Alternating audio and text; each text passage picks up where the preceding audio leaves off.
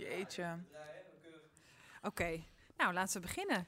Niet vanuit de kelder, maar vanuit een geüpgrade eerste verdieping eh, van Vondel CS is het de podcast Ik zag iets moois van het Parool. In samenwerking met Podcast en Chill. En dat betekent als je nu luistert, je kan ook kijken. Dus wat ben je aan het doen? Je kan ook kijken.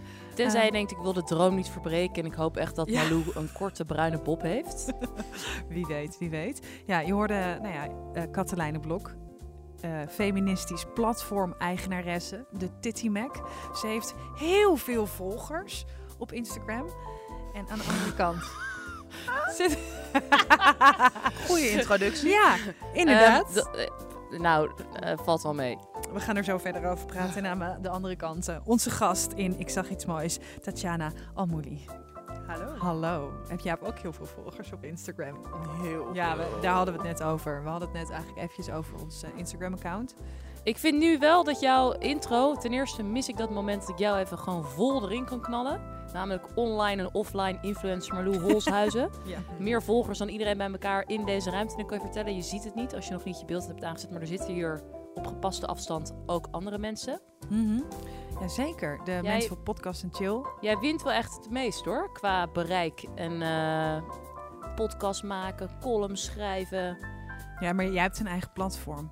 Naast alle Ja, platforms van iedereen. Ja. Ja, en Tatjana die heeft tenminste al boeken geschreven. Dat van mij, dat... dat, dat Eén, maar dank. Ja, ja. Hoe gaat het met je? best wel oké. Best wel oké. Nou, ik, ja, het, is, het zijn natuurlijk gewoon bewogen tijden. ja. En eh, ik, ik merk wel dat dat gewoon invloed op mij heeft. Mhm. Dus het is een beetje wisselvallig, maar Ja. overwegend goed. Je hebt één keer meegedaan aan de podcast Ik zag iets moois uit het raam. Hè? Toen we echt niet naar buiten mochten. Heb je een mooi verhaal voor ons ingesproken. Ehm, ja, hoe, hoe heb jij die tijd ervaren van... Nou ja, dat, dat je nu weer een beetje naar buiten mag? Nou, ik moet wel zeggen dat ik er echt aan moest wennen in het begin. Dus ik, ik liep ook wel tegen dingen aan, zoveel binnenshuis zijn. Maar het was ook ergens wel heel overzichtelijk of zo. Ja. Je wist gewoon, oké, ik kan gewoon weinig mensen zien. De mensen die je zag, was je gewoon helemaal euforisch, soort van. En verder, ik heb gewoon wel... Nou, het begin was heel erg wennen, maar op een gegeven moment heb ik best wel veel werk kunnen verrichten. En Mhm. gewoon een beetje introspectie. En dat vond ik eigenlijk best wel relaxed. En nu is het, nou, nu is het ook alweer een beetje, ben ik wel weer gewend aan meer naar buiten te gaan. Maar vooral die overgang Ja. vond ik echt pittig. Ik was ook steeds helemaal kapot als ik dan één afspraak buiten de deur had. De hele soort van aanpassen van wat kan wel, wat kan niet. En Maar hadden jullie ook niet beide kanten op? Want ik moest echt wennen van in die, de week voordat we eigenlijk hoorden van oké, het is nu even klaar allemaal. ehm, was week rondom Internationale Vrouwendag. Mhm. En nou, ik heb jou, Mhm. Tatjana, veel gezien die week ook. Ja. Ehm, het was heel druk. eh, heel goed druk en ook heel erg energie. Maar ook dat je bijna gewoon high on life, weet Ja, je zo. totaal. En opeens was het toen, en het is klaar, bam, naar binnen. Die omslag, maar ook nu, ik weet niet hoe het bij jullie zat, maar ik, ik had echt een beetje met dat hele 1 juni, of zoals anderen zeggen, 1 juni, ehm, had ik echt een beetje dat ik dacht, alright, maar wat betekent het dan? En moet ik dan weer iets anders? Dan heb ik een ander ritme? En ik had eindelijk een Mhm. soort van een beetje rust gevonden in dat ik mijn prikkels op een andere manier moest krijgen. Ehm, en terwijl eigenlijk 1 juni, je moet nog steeds afstand houden. De dingen die ik persoonlijk belangrijk vind, kunnen nog steeds niet namelijk mensen omhelzen. Of in een donkere club zweet van andermans mensen op mijn armen voelen. Dat kan nog steeds niet. Ehm, dus Goeie visual. ja, Ja, ziet zeker. iedereen dit Ja. voor zich? Voel het bijna. Ehm, dus Ik ruik je. 1 juni en je moet dingen plannen. Je, eh, een beetje restaurants boeken, musea, dat moet je nog inboeken. Het is daar Ja. veel rustig nog. Dus eigenlijk, ehm tuurlijk, ik ben heel blij voor mensen die inderdaad hun bedrijf weer echt vol kunnen laten, of vol kunnen laten draaien. Maar het is ook een beetje elkaar de kunnen illusie bezoeken. inderdaad. Het is een soort van, ik was gisteren voor het eerst dan uit eten. Mhm. Nou, het enige slot wat nog open was, was van half vijf tot half zeven. Lekker knallen, hup. Ja. Echt, late eh, lunch eigenlijk. Ja, precies. Bijna niks gegeten de hele dag om daar te kunnen eten. En, maar het was natuurlijk gewoon super rustig. Ja. Het was bij Café Restaurant Amsterdam natuurlijk heel groot, eigenlijk ruim. Maar nou, toen wij weggingen, begon het dan een beetje te komen of zo, de mensen. Maar je denkt ook ergens van ja, het is wel, het is heel fijn om weer bediend te worden. Om zelf er niet over Mhm. na te hoeven denken. Gewoon natuurlijk goed eten. Maar het is niet, je hebt gewoon niet helemaal die ruis of die rush die je voelt van ik zit in een vol restaurant of in een... Precies, Ja. het is gewoon, het is anders. Ja. En nou ja, Wat ik heel prettig vond aan de coronatijd was dat niemand meer haast had. Daar Mhm. hebben wij het ook best wel over gehad, ook in onze podcast. Van niemand heeft haast. Iedereen vindt het prima Ja. om even te wachten. Uh, buiten voordat je een winkel ingaat, of bij de bakker of bij de supermarkt of whatever. Iedereen is, is relaxed. En ik merk dat die haast er weer een beetje in mhm. begint te, te komen. En ik, ik hoopte gewoon dat we dat. Wat, ik hoop gewoon dat we dat kunnen vasthouden. Dus als je luistert en je bent een gehaaste klootzak, stop eens met haasten. Laten we het niet meer doen. Dat. Ja, nou ja, dat is wat ik net voordat we begonnen tegen jou ook zei. Um, ik heb bijvoorbeeld, ik heb misschien is dat ik het probleem. Ik heb nooit haast, maar ik heb het wel vaak te veel dingen. Mm Waardoor ik wel, zeg maar, misschien andere mensen haast oplever. En ik merkte opeens Stress. vandaag Laat wachten. Ik merkte opeens vandaag waar ik dacht, huh, hoe mijn hele dag is echt weer gepropt. Weet je, ik denk, en dat, wanneer zit opeens gebeurd? Ja. En het zijn allemaal leuke dingen, het is allemaal leuk, maar uiteindelijk komen we weer, komen we weer bij het probleem waar we het vaak genoeg in podcast en buiten hebben gehad dat, ik, dat je eigenlijk van niks echt kan genieten, omdat alles zeg maar, maar, achter elkaar staat. Ja. Ja. Maar ook dat je bijna denkt, op welk moment is dat er weer zo ingetrapt? Terwijl in het begin van deze periode had je, nou ja, je had het druk, maar dan van, nou, dan bellen en dan zit je thuis en aan het einde van de dag ging ik dan een wandelingetje doen. Ja. En nu is het echt zo, nou ja. Ja, maar we verwachten ook meteen alle gewoon weer veel meer van elkaar. Dat is het ook. Weet je, je hebt gewoon, oké, we mogen weer meer. Nou ja, inderdaad alles gaat weer gedeeltelijk open. Mm. Eh, je wordt ook op plekken verwacht. Eerst was mhm. natuurlijk, moest je wel veel video bellen, maar het was wel allemaal een beetje in dezelfde tijd. En daarnaast kon je gewoon heel erg doen wat voor jou zelf goed voelde of zo. En heel erg tranquilo. En dat is er nu alweer meteen uit. Ja. Mensen begrepen dat ook. Ze van, oh nou ja, als jij even vandaag niet oké voelt, ja. it's oké. Okay. En dat snappen je, je werd vrienden nog getolereerd steeds. eigenlijk of zo. Ja. ja. Maar, nu, maar toen, in het begin iedereen nog. Dus van je werkgever tot, uh, weet ik veel, je huurbaas bij ze van. Mm. en het lijkt alsof iedereen nu iets meer heeft van... oké, dat hebben we gehad en door. En door, ja, inderdaad. Terwijl uh, ook als sommige mensen nog niet uh, willen werken... zeg maar niet in, in uh, ruimtes met andere mensen willen zijn... dan je voelt je bijna gedwongen om het te doen. Ja. Terwijl het wordt nog steeds geadviseerd... blijf zoveel mogelijk thuis en niet op elkaar. Ja. Tatjana, de laatste keer dat wij jou dus hoorden in onze podcast... toen was jij bezig met researchen. Ja. Hoe gaat dat? Nou, ik zit nog steeds wel een beetje in de researchfase uh, ja, voor mijn nieuwe boek. Mhm. Maar ik merk wel, ik ben nu wel veel meer aan het schrijven ook. Ja. Maar ik vind het wel lastig. Het is, ik, dit is mijn tweede boek. En bij mijn eerste boek was het zo dat ik gewoon... Van tevoren wist ik eigenlijk gewoon al precies wat erin zou moeten komen te staan. Ja. En ik had heel erg een planning die ik gewoon helemaal heb gevolgd. Dus elke week soort van één of twee nieuwe hoofdstukken. Steeds ook met mijn redacteur contact en gewoon gaan of zo. Ja. En nou, was, ik, ik zat wel in een hele andere situatie. Ik had eigenlijk nog... Uh, ik werkte 32 uur bij een uitgeverij zelf nog. Dus ik moest het allemaal daarnaast doen. En nu, en dat komt ook door de coronatijd, denk ik. Maar nu is het soort van... Ik heb veel meer vrijheid. Ik heb veel meer tijd. Ik zou eigenlijk voor dit boek nu in Amerika zitten. Ja. Uh, een maand.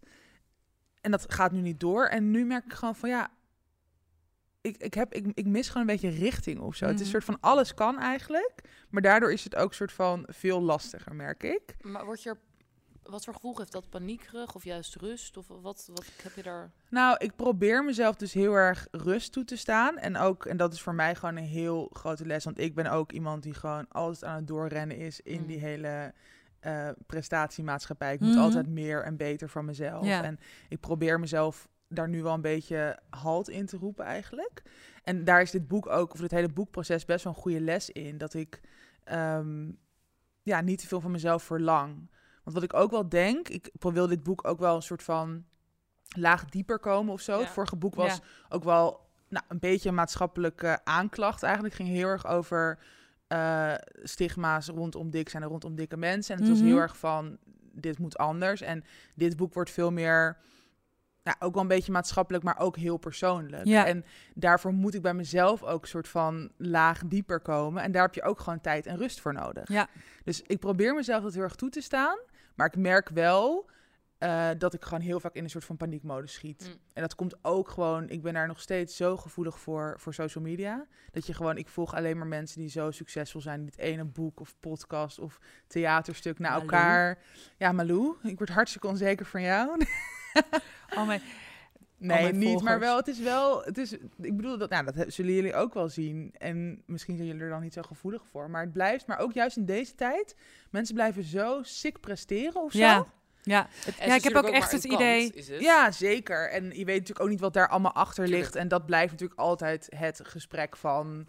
We laten nog steeds vooral mooie dingen zien op socials. Maar het is wel, het valt me echt op hoeveel mensen columns schrijven en artikelen en nieuwe boekcontracten en dan al heel ver zijn. En... Maar denk je ook niet dat dat je soms ook ehm, dat je dat misschien meer raakt op momenten dat je bijvoorbeeld een keer moe bent of uh, ja, dan komt het wel harder binnen inderdaad. Ja. Nou, wat ik herken me heel erg in wat jij zegt, ook met met mijn boek. Daar ben ik al twee jaar nou, dit boek ben ik een, klein jaar of een half jaar mee bezig. Maar daarvoor was ik met een roman bezig, wat mijn debuutroman zou moeten zijn. Nou, die mhm. ligt inmiddels in de prullenbak. dus nou ja, dat is sowieso niet echt een heel lekker gevoel. Nee. En uh, nu, gelukkig, is er iets nieuws uh, gekomen. Um, maar daar, dat is dus ook, dat zijn persoonlijke korte verhalen. En dat zijn verschillende verhalen, maar het gaat allemaal over uh, dood en verderf mhm. eigenlijk. En dan zijn daar dan de, de meest easy verhalen zijn geschreven. Maar het wordt dus nu tijd voor de, voor de shit verhalen, weet je wel? Dus dan moet je gaan zitten en dan word je zo met jezelf geconfronteerd dat ik denk, nou morgen. Ja, ja heel dus de hele tijd. Nou morgen, vandaag is niet een goede dag om te huilen. En morgen dan zit je weer, nee, vandaag is niet een goede dag om daarover na te denken, omdat het ook nog, ja, omdat het gaat over over iets wat, wat pijn doet of wat, wat, wat raakt. Dus dat, ja, snel dat je dat dan voor je uitschuift. Ja, tuurlijk. Het is, het is gewoon heel lastig om daar aan toe te geven en om gewoon echt daarin te gaan zitten. En want het is ook, het is gewoon heel ongemakkelijk en je wil er zo snel mogelijk uit. Ja. Maar dat merk ik ook wel voor voor het schrijven en ook denk ik uiteindelijk voor jezelf, moet je dat juist ondergaan en moet je daar mhm. juist en dat kan weken duren, misschien zelfs maanden eigenlijk. Ja. Alleen dat is natuurlijk ja, dan, dan komt wel je leven meer on hold te staan en daar zijn we mhm. allemaal denk ik bang voor. Ja. Je wilt toch soort van mee blijven doen en en ook niet daarin dan even een uitzondering zijn of ja. zo. Kan jij goed nee zeggen als mensen je vragen voor iets? Je zit hier, dus nu, nu, gaan we kijken of je hier met tegenzin zit, ja of nee. Um, nou, ik word er beter in, mhm. maar het is, ik, ben wel van, van uh, hoe zeg je dat, in de basis best wel een pleaser, ja. Mm En nou, dat hoort ook, dit, het is wel gewoon een heel proces waar ik nu in zit. Dus een soort van rustiger aandoen, echt proberen zelf te voelen en te zien wat ik wel en niet wil, of wat mezelf of professioneel of persoonlijk verder gaat brengen. Maar dat kost wel tijd voordat je daar modus in vindt of ja. zo. En het is ook heel dubbel. Ja, kijkt ook meteen naar mij. Maar ik, nee, ik, ja, ik, nee, ik wil het ook graag van jou weten. Ja. Dat we, ja, ik ben echt pleaser of life. Maar ik vind ook wel, de ja-zegger, je belandt gewoon ook vaak in de meest geweldige dingen als je ja zegt. Ja. Ook soms minder leuk, maar ik heb liever spijt van... Nou, oké, ik was daar of ik heb het gedaan en dat was toch wel een beetje raar. Dan dat ik denk, shit, hoe zou dat zijn geweest? Ja. Mhm. Want vaak die laatste dingen, daar heb ik het meest spijt van gehad. Ja. Dat ik toen nee heb gezegd of getwijfeld heb of niet heb gedaan. En die dingen waar ik ja heb gezegd, dat was dan altijd, ik dacht, nou, gewoon één groot avontuur. Ja. ja. ja. Nou, ik heb nu gewoon een agent die dat voor me, dat, dat is heel fijn. Ja, dat is dus echt die goeie. zegt dan ja of nee of wat dan ook. Waarom hebben wij geen agent? Ja, sorry. En, maar, de begin podcast Turning Point. Ja, sorry.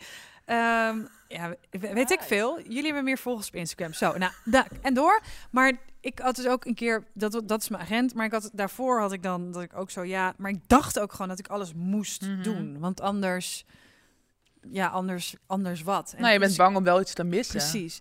en toen had ik, en toen had ik, uh, nee, toen had ik dus uh, een gesprek met een psycholoog. En die zei toen tegen mij, nou, weet je wat, wat je gewoon de komende twee weken gaat doen? Bij alles wat iedereen vraagt, zeg je: Ik kom er later even op terug. Dit heeft mijn psycholoog precies zo gezegd. Echt zo van alsof hij mij, als, alsof gewoon voor mijn neus het wiel werd mhm. uitgevonden. Dat ik, en ik voelde me zo dom dat ik zei: oh, Wat een goed idee. En dat, dat lijkt, ook helemaal, lijkt me ook helemaal niet moeilijk. Dat kan ik wel. Ik kan wel zeggen: Ik kom er later op terug. En ik liep die deur uit en dan denk ik deze gast verdient hier gewoon geld mee. Het is gewoon zo logisch nadenken over wat je, wat je kan doen. Als maar zo'n agent is ook wel een goede soort drempel. Ik heb een keer met een vriend erover gehad dat we gewoon elkaars agent zouden zijn. Dat hij gewoon een mailadres zou maken met Henk, bijvoorbeeld Henk at uh, why not at en dat je gewoon elke keer zegt, nee, ik kom mijn agent Henk mailen. En dat hij dan gewoon dan vervolgens weer checkt van... nee, vind je dit een oké bedrag of ding of zo? Dan mail ik wel gewoon voor jou terug. Of ik gewoon zelf de mail zou doen. Maar gewoon het hele idee dat je gewoon iemand hebt die Henk heet, die je agent is... Ja, ik heb ook wel eens een snabbel aangenomen buiten mijn agent om. En dan zegt ze, uh, toen zei ik van, nou, ik krijg er dan zoveel geld voor. Ik trots, weet je wel, want oeh, ik heb geld gevraagd. Ja. Ik heb het niet voor niks gedaan. En dan zegt ze, ja, en als je mij het had laten regenen, was het drie keer zoveel. Ah. Even is normaal nu. dus zo, ook weer zo lastig. Durf jij overal geld voor te vragen? Of durf je gewoon te zeggen, hé, hey, uh, staat er een vergoeding tegenover? Ik stok ja. altijd bij. Staat er, uh, dan, Nee, ik heb mezelf wel echt uh, geforceerd om dat te doen. Ja. En ook wel, en dan, kijk, ik kan altijd nog, nu was er ook dat een tijdschrift doet een campagne en dan hebben ze geen budget. En dan heb ik wel bijvoorbeeld geregeld dat ik een soort van uh, maandelijks column op hun site ga schrijven als een soort van exposure ding Ja. of zo. Tijdens die campagne, weet je. Ja. Dat je wel probeert echt voor jezelf er iets anders uit te halen. Mhm. Omdat ik denk, ja, en dat is ook echt gestuurd door bijvoorbeeld podcasts als Damn Honey of zo. Weet je, dat je gewoon er echt over na gaat denken van ja, het heeft gewoon echt geen zin voor jou om dingen voor niks te doen. Je moet er gewoon wel, behalve als je het misschien fantastisch vindt, maar je En ik moet gewoon wel aan jezelf denken. En ik denk ook wie het vraagt. Ik ben namelijk wel iemand die echt... eh, ik doe heel veel dingen... Nou ja, anders. Inderdaad, wat jij zegt. Dus ik heb wel dat ik het omreken... Hoeveel tijd zit erin? Dus Ja. inderdaad, je moet echt bedenken van... Oké, als jij dit doet, wat had je in plaats van die tijd anders kunnen doen of aannemen qua opdracht? Maar ook wie het vraagt als een vriend is of iemand waarvan je weet... deze persoon of organisatie Ja. heeft geen geld. En volgens mij, nou ja, jullie staan er ook hetzelfde... Ja, misschien je agent anders, maar hetzelfde in. Ehm, ik denk dat dat ook een verschil is. Tuurlijk, maar het, is, het gaat denk ik vooral om inderdaad bedrijven of organisaties. En dat je Mhm. denkt, ja, want dat merk je ook wel vaak, hè. Als je dan vraagt van, is er budget? Soms krijg ik gewoon letterlijk terug, oh, daar hebben we eigenlijk nog niet over nagedacht. Ja, oh, oh, sorry hoor, maar huh? Ja, Gek hè? Maar we, ik vind ook wel, eigenlijk vind ik dat ehm, we met z'n allen, wij en dan voornamelijk vrouwen, ehm, het gewoon het niet meer voor niks moeten doen. nee. Krijgen weet wij hier dat veel wij- voor betaald voor deze Ja, maar ik podcast? krijg hier gewoon een hele keurige vergoeding voor, waar we lekker van uit eten kunnen af en toe. En, maar, en een mooi bosje bloemen voor de, voor de gasten kunnen, kunnen en kopen. al deze stroopwafels. En, en alles, maar... eh, Dus het gaat weer van jullie budget af, of niet? Ja, Ja. ja. precies. Krijgen jullie geld Zitten van daar te grijnzen? Hallo? Nee. maar Oh. eigenlijk moeten we gewoon nooit meer iets voor niks doen. Nee. Al is het maar, ja, het moet gewoon in die... In het, moet, natura. nee, maar het, het moet gewoon in alle hoofden zitten. Ja. Dat je vraagt, als je iemand vraagt, moet je ervoor Ja, betalen. het systeem In moet gewoon veranderen. Ja, En dat begint wel vanuit individueel dus zeggen van... nee, ik wil hier betaald voor krijgen. En Ja. je kan niet altijd de hoofdprijs krijgen. Dat is gewoon waar. Je weet gewoon dat creatieve organisaties... hebben ook oprecht weinig budget. Niet altijd, maar wel minder dan commercieel, weet je wel. Maar Ik ben ook beter in bijvoorbeeld jouw onderhandeling doen. Dat ik denk, fuck it, er moet Ja. gewoon betaald worden voor jouw tijd of jouw tijd. Maar bij mezelf denk ik, dat is, nou, maar deze persoon is zo leuk. En ik vind het eigenlijk ook wel leuk om te doen. En de organisatie is ook wel leuk. je bent Nou ja, echt een te grote pleaser, Kat. Ja, en dat is een grote Maar dan krijg je dus wel heel veel Instagram-volgers mee. Misschien is Wat dat koop je daarvoor? Krijg je, Niks. word je betaald in, eh, in volgers? Nee, dat zo is wel werkt echt een soort niet. van de filosofische vraag voor millennials. Wat is belangrijker, geld of volgers? Eh, Fuck, ik weet het Hier moet ik een artikel over schrijven. Ja, Ja, en dat- tegelijkertijd denk ik, oké, heel leuk gezegd, maar over een paar jaar is Instagram bye bye bye. Ja. En dan is de volgende alweer, want er zit, eh, nou ja, jouw opa en oma, I would- Instagram, I love it. Maar er zitten ook heel veel andere mensen dan opeens op Instagram. Dat verschuift weer allemaal door en dan heb je niks meer aan jouw bereik. Ja, totaal. Ja. Dus Malou, wat heb je geleerd van deze les? Eh, ik ben een loser. Ik heb mijn boek nog niet af. Eh, Oh, nee, eh, nee, alles nee. gaat Nee, nee. Nee, grapje, je hebt een nee. agent, je Ja. hartstikke goed voor elkaar. Je bent multidisciplinair bezig. Offline volgers, groot bereik, goede onderhandeling. Lijkt wel een praatgroepje voor voor, mij, ja. maar volgens mij eh, leid ik dit gesprek. Jongens, ik zag iets moois. Wat Ja. hebben jullie... Katelijne, Nou, wat heb jij gezien? Buiten, hier in Amsterdam, in ons fantastisch Amsterdam. Oké, ik had dus ehm, bedacht dat ik ehm, tijdens deze periode, dat we in eh, intelligente lockdown, maar met name de wat versoepelende periode waar we nu in zitten, waarin Mhm. je weer naar buiten mag, op afstand, nou, gepast, la la la, ehm, dat ik wel nog echt even de stad in rust wilde beleven Hmm. op een manier die je normaal beleeft als je bijvoorbeeld naar een obscure club gaat of eh, whatever. Je komt 's ochtends vroeg thuis en dat je denkt, oh zo lekker, ik ga nu naar bed. Maar al deze mensen worden nu wakker en het is zo'n tussenmomentum. Dus dat je inderdaad van de stad wordt wakker, maar slaapt, gaat ook weer naar bed. Dat Mhm. gevoel. Dacht, dat wil ik nog beleven. Ook zo'n raar, zo'n soort to-do. Maar ik had het wel, ik dacht, Mhm. let's go. Dus ehm, van het weekend had ik dit moment. Toen liep ik na een heel leuk uh, feestje. ja. Sorry. Ja. Jij weet wat er gaat komen, of niet? Misschien. Dingen. Uh, maar uh, toen liep ik naar huis. En toen, um, ik liep naar huis van het huis van een vrienden van mij, waar we trouwens onder toegestane omstandigheden waren. Afstand. Ja, bla bla bla. Ja. Boeien. Maar goed. En um, toen ging ik naar huis en ik liep over de grachten. En het werd zo langzaam zo, begon de zon zo te schijnen. Um, de Westerkerk sloeg, sloeg, nou wat zal het zijn, Hal, weet je, zeven uur, zes uur, zoiets. Mm -hmm. En er was gewoon een super groot hard vogelorkest bezig. Omdat gewoon echt zo, hello, let's go, ochtend.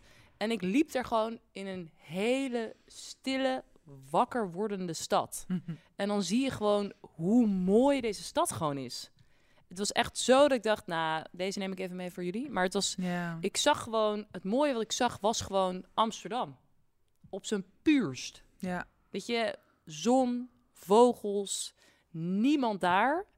Nou, dat was echt, uh, Mooi. zat er helemaal in. Weet je wat echt de kutste vogels ever zijn? Exters? Die, nee, Oh. die um, papegaaitjes, die zitten bij mij in de boom.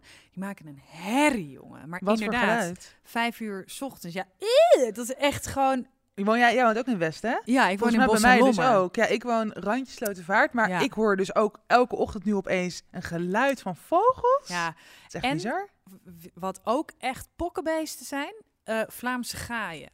Die zijn wel weinig. maken echt vanuit, ja, ik weet niet, alsof, Diepste alsof keel. ze één keer dat geluid kunnen maken en daarna hun keel dood is. Zo klinkt het. Maar om het weer Maar ze terug te kunnen het dus de hele tijd achter naar de elkaar. Ik zag iets moois. Dit waren geen Vlaamse of, tijd. eh, of Het was niet, ik, ik hoorde iets kuts, dat was het niet. Nee, nee, nee, Het was. Dit was een soort prachtig concert van eh, musjes en roodborstjes. Nou. Een hele kleine... dit verzin je erbij. ja, Je verzin dit, maar ik trek jou uit, dat, uit die, uit die extra eh Ja, eh, inderdaad. vibe. Ja. Nee, het was, eh, ja, dus... eh, Mm. Mooi, Tatjana, wat heb jij gezien? Nou, ook eh, een soort van typische Amsterdamse sferen. En dat was gisteravond. Ik was dus voor de eerste keer sinds maanden uit eten gegaan met twee Mhm. van mijn beste vriendinnen. En eh, we liepen, nou, we hadden dus gegeten en we liepen rond, denk ik, zeven uur of zo, liepen we naar het Westerpark. En ik kom daar eigenlijk nooit. Ik heb gewoon een paar parken, gewoon het Rembrandtpark is voor mijn huis. En dat is nu Mhm. een soort van het enige park waar ik dan ben Ja. of zo. Erasmus. Erasmus is ook leuk, maar wel een beetje klein. Ja. Maar dat is jouw lievelings. Maar het Westerpark ligt gewoon niet op mijn radar of zo. Dus ik kom er bijna nooit. En nou, we liepen daar naartoe en je ziet gewoon... Je hebt daar natuurlijk Pacific Park, dus mensen zaten op het terras. En opeens was de zon gaan schijnen. waren natuurlijk best wel gewoon grijze dagen. En ehm, we waren daar de hele avond. We zaten gewoon op een soort van bankje aan een grasveld. En je zag gewoon heel Amsterdam daar voorbij trekken. Mhm. Dus je zag daar jonge gezinnen met kindjes die gewoon aan het uitrazen waren, aan het rennen. Je zag daar, dat is echt een gl- glansrol voor de hondenuitlaters. Ik weet niet of jullie dat ook de hele tijd zien, maar dat is een soort van, wat is dat opeens?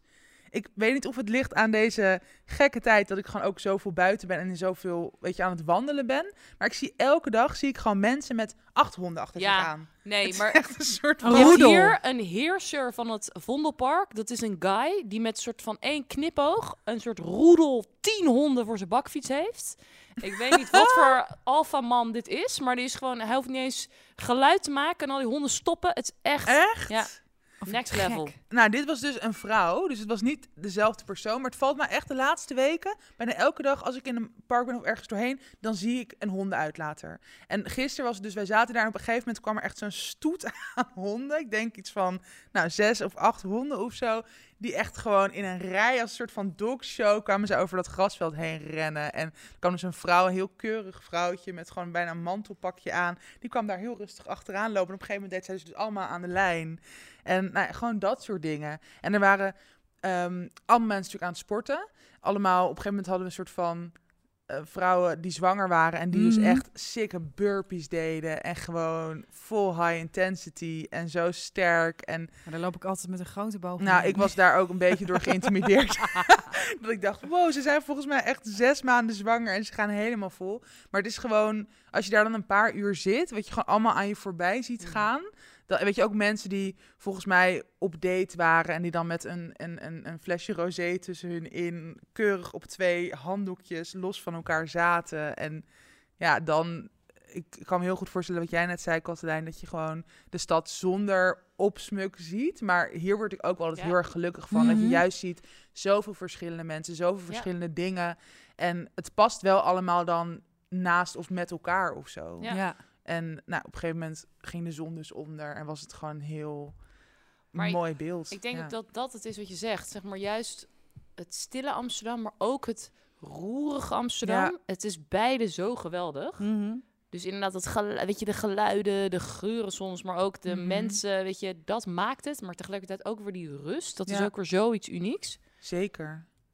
Het is gek hè, dat als je het eventjes niet gehad hebt. Soms moet je iets eventjes niet meer Ja. hebben. Ja. Om, Om er dan eh, weer extra van te genieten. Ja, Ja. want echt, ik, ik, inderdaad, die geur en, en, en het licht en de sfeer. En je neemt alles, je zintuigen staan ook eens zo erg op scherp als je het gewoon een tijd veel minder hebt gehad of Ja. zo. Je slokt het gewoon bijna op. Ja.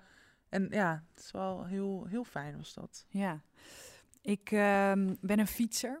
Ik fiets heel graag door de stad. Als ik, eh, eh, ik woon dus inderdaad eh, in West, in Bos en Lommer. En ik eh, heb veel vrienden in Oost. En zij komen nooit naar mij. Ik kom altijd naar hun. ik vind dat heel lekker.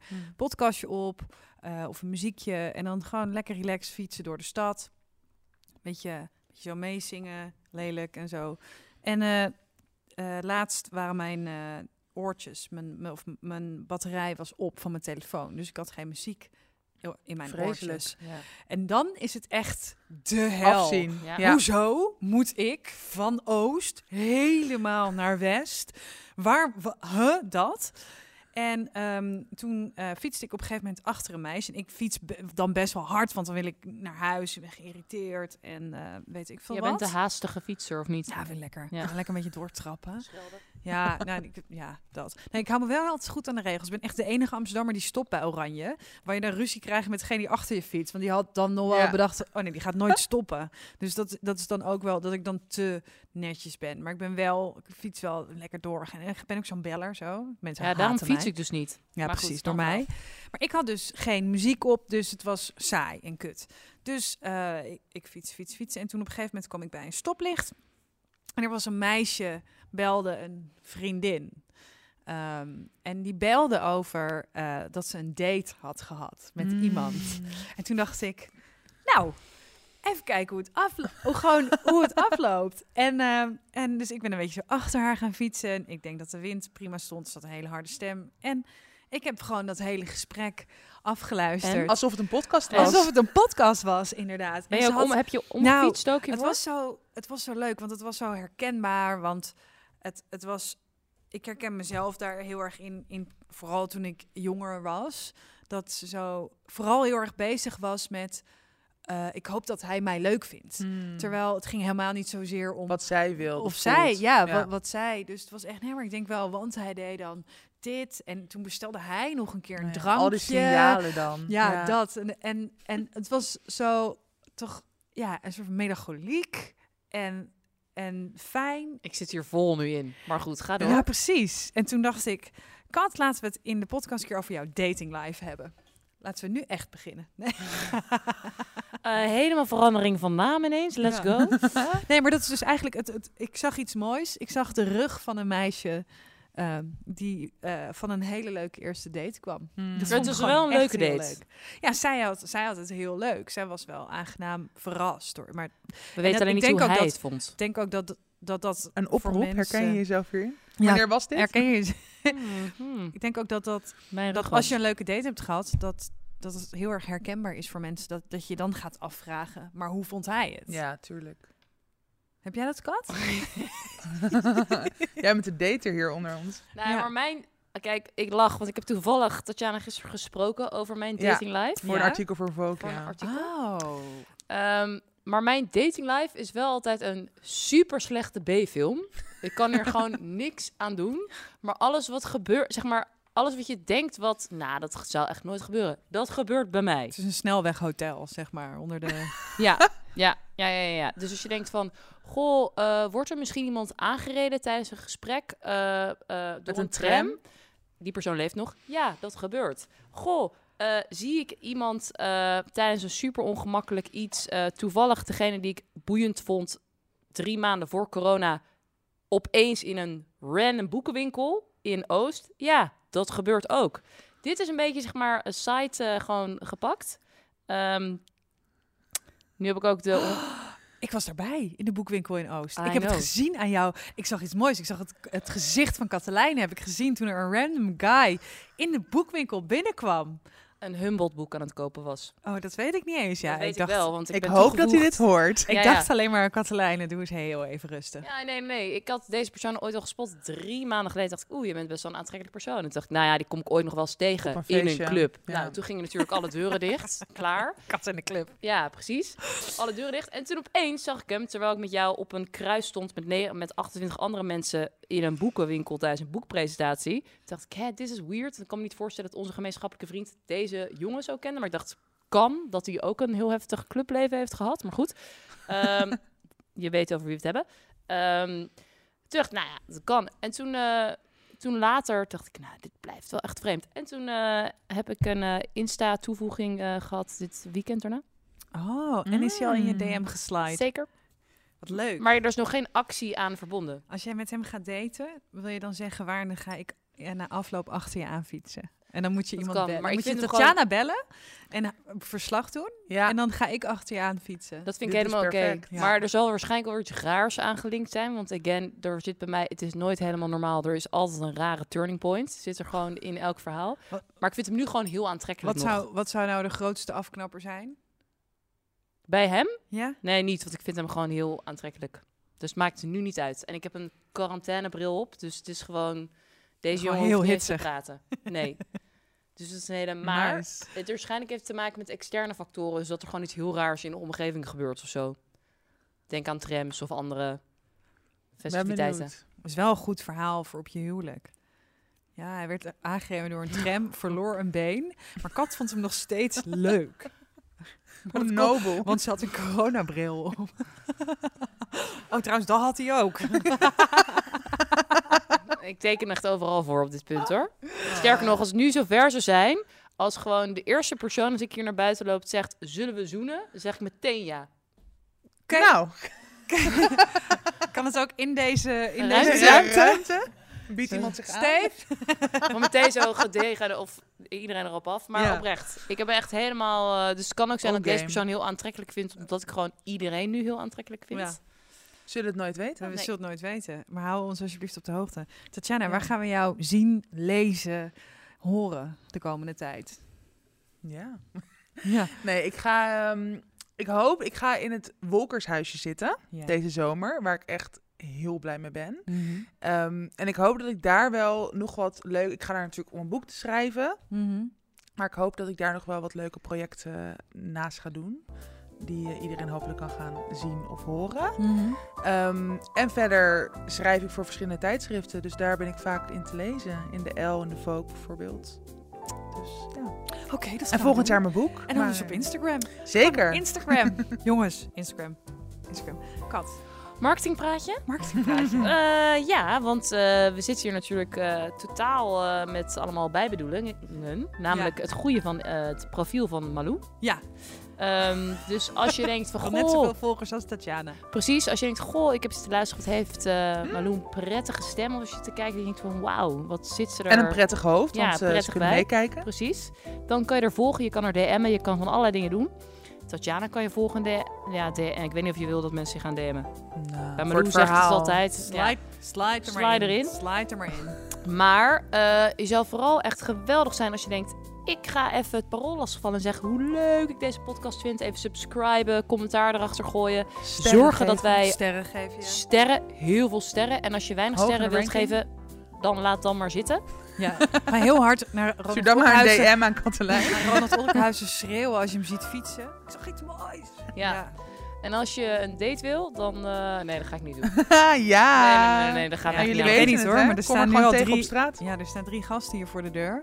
En eh het komt helemaal goed. Tatjana, dankjewel dat je er was. Heel Fijn. leuk. Dank dat ik er mocht Dank, zijn. dank, dank, dank.